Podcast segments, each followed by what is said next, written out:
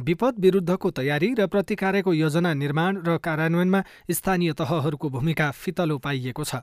स्थानीय सरकार सञ्चालन ऐन दुई हजार चौहत्तरमा स्थानीय तहले विपद जोखिम न्यूनीकरण तथा व्यवस्थापन समिति निर्माण गरी विपद पूर्वको तयारी र प्रतिकार्यको योजना बनाउन सक्ने उल्लेख छ।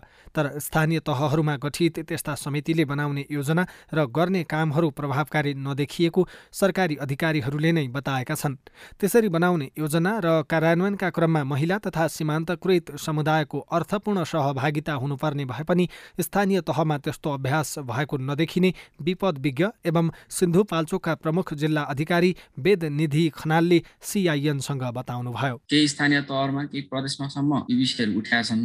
तर समग्रतामा हेऱ्यो भने चाहिँ यो सार्थक कार्यान्वयन भन्ने पक्ष चाहिँ अलिकति गर्न धेरै बाँकी छ। योजना बनाउँदाखेरि नै विपद प्रभावित समुदायलाई जोखिममा रहेका समुदायलाई महिलाहरूलाई योजना निर्माण गर्दाखेरि नै उहाँहरूको आवश्यकतालाई उहाँहरूको बुझाइलाई सँगै लिएर जाउँ जानुपर्छ चाहिँ भनेको छ। तर योजना एकदम कम बन्छन् स्थानीय तहमा योजना कम बन्छन् बनेका पनि कपी पेस्ट हुने खालको अन्यत्रबाट यसो सारेर गर्ने खालका धेरै देखिन्छन्। महामारी बाढी पहिरो भूकम्प जस्ता विपदका समयमा सीमान्तकृत वर्ग महिला लैङ्गिक अल्पसङ्ख्यक र पछाडि पारिएका समुदाय सबैभन्दा बढी समस्यामा पर्ने गरेका छन्।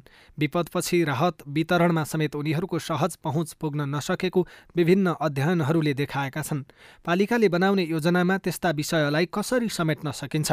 महिला अधिकारकर्मी अधिवक्ता इन्दिरा आचार्यले भन्नुभयो। यसमा चाहिँ खास गरी स्थानीय पालिकाहरू र प्रदेश सरकार यसमा विशेष गरी लाग्नुपर्ने देखिन्छ जसले चाहिँ आफ्नो स्थानीय लेभलमा कहाँनिरको चाहिँ नदीले कटान गर्छ कहाँनिरको चाहिँ यो बर्खे भेलले चाहिँ डुबान ल्याउँछ अर्थात् पहिरो जान्छ कहाँनिर चाहिँ खुला डाँडाहरू छन् कहाँनिर चाहिँ भूकम्प गयो भने पनि कुन स्थानमा सबैभन्दा बढी प्रभावमा यो क्षेत्र पर्छ भन्ने कुराको निर्कुल चाहिँ त्यहीको स्थानीय पालिकाले गर्न सक्छ र त्यहीका जनप्रतिनिधिहरू जो चाहिँ स्थानीय नागरिकले चाहिँ पत्याएर त्यहाँ उनीहरूलाई पठाएका हुन्छन्।